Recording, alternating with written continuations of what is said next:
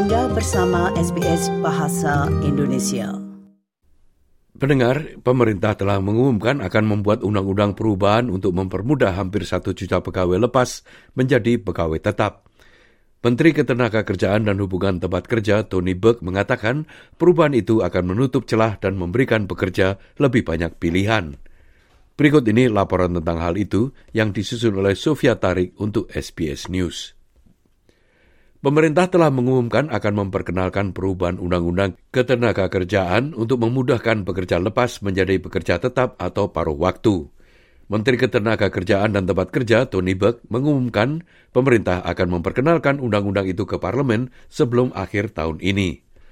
Perubahan itu akan menutup celah yang memungkinkan pemberi kerja membuat pekerja lepas bekerja dengan jam reguler tanpa memberi mereka keamanan pekerjaan dan cuti seperti pekerja penuh waktu.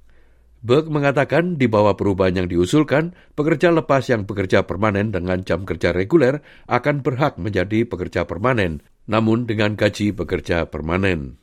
A good day for Australia's casuals. The legislation I introduce this, later this year will do will two things. One, it'll create a right where those casuals who are getting permanent hours can go to the employer and can say, these hours are permanent, I would like to be able to convert. And secondly, we will go to a proper definition of casual to what it was before the coalition government legislated a couple of years ago.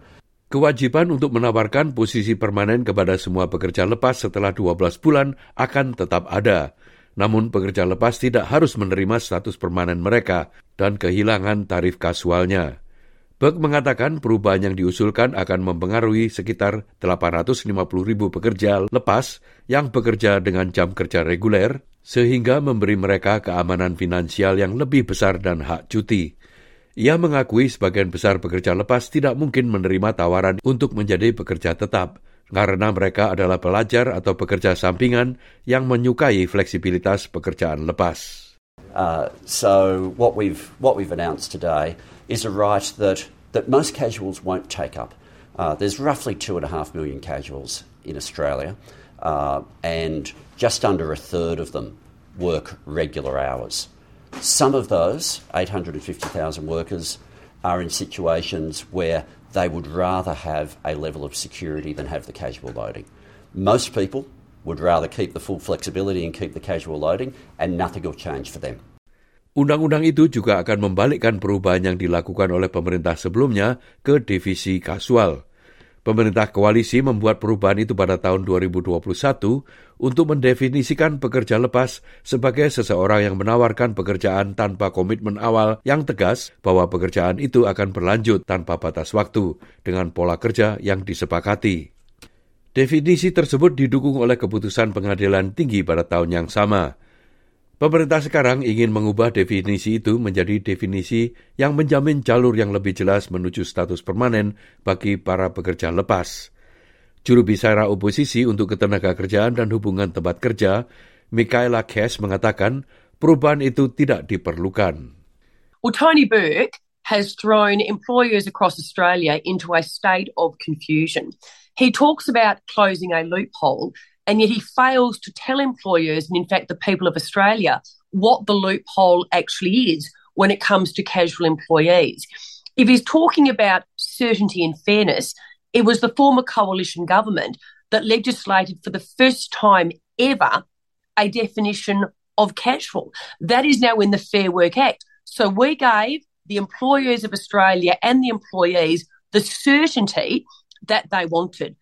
CEO Kamar Dagang dan Industri Australia, Andrew McKellar, mengatakan perubahan itu akan berdampak buruk pada usaha kecil. Uh, we would say at the moment there is very clear certainty. It's been established by the High Court. It's been established in uh, legislation uh, that provides choice for small businesses. Uh, it provides choice for employees. There's a clear pathway at the moment. Uh, if somebody wants to convert, um, there are very clear grounds and a very clear basis uh, to do that. What the government is proposing will lead to significant uncertainty going forward.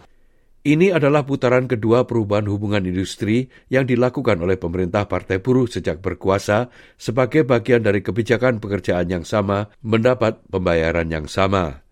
Perubahan tempat kerja terakhir berfokus untuk mempermudah tawar-menawar perusahaan dan disahkan sebagai negosiasi panjang dengan lintas bangku.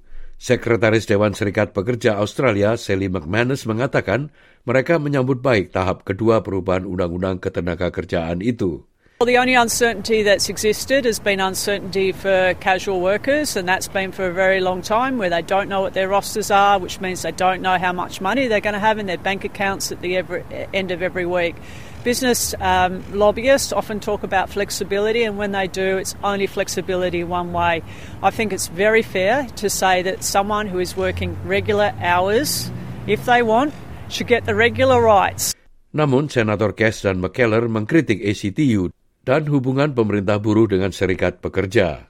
You cannot unionize a casual workforce, and that is why Labor and the unions hate casual employees. Well, I think there is a real question here, and it seems that the ACTU uh, says uh, jump, uh, the government says uh, how high.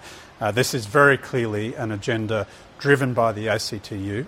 Nah pendengar itulah tadi sebuah rangkuman tentang perubahan kebijakan ketenaga kerjaan yang diusulkan oleh pemerintah dan rangkuman itu disusun oleh Sofia Tarik untuk SBS News dan disampaikan oleh Ricky Kusumo. Sukai, berbagi, komentar. Ikuti SBS program Bahasa Indonesia di Facebook.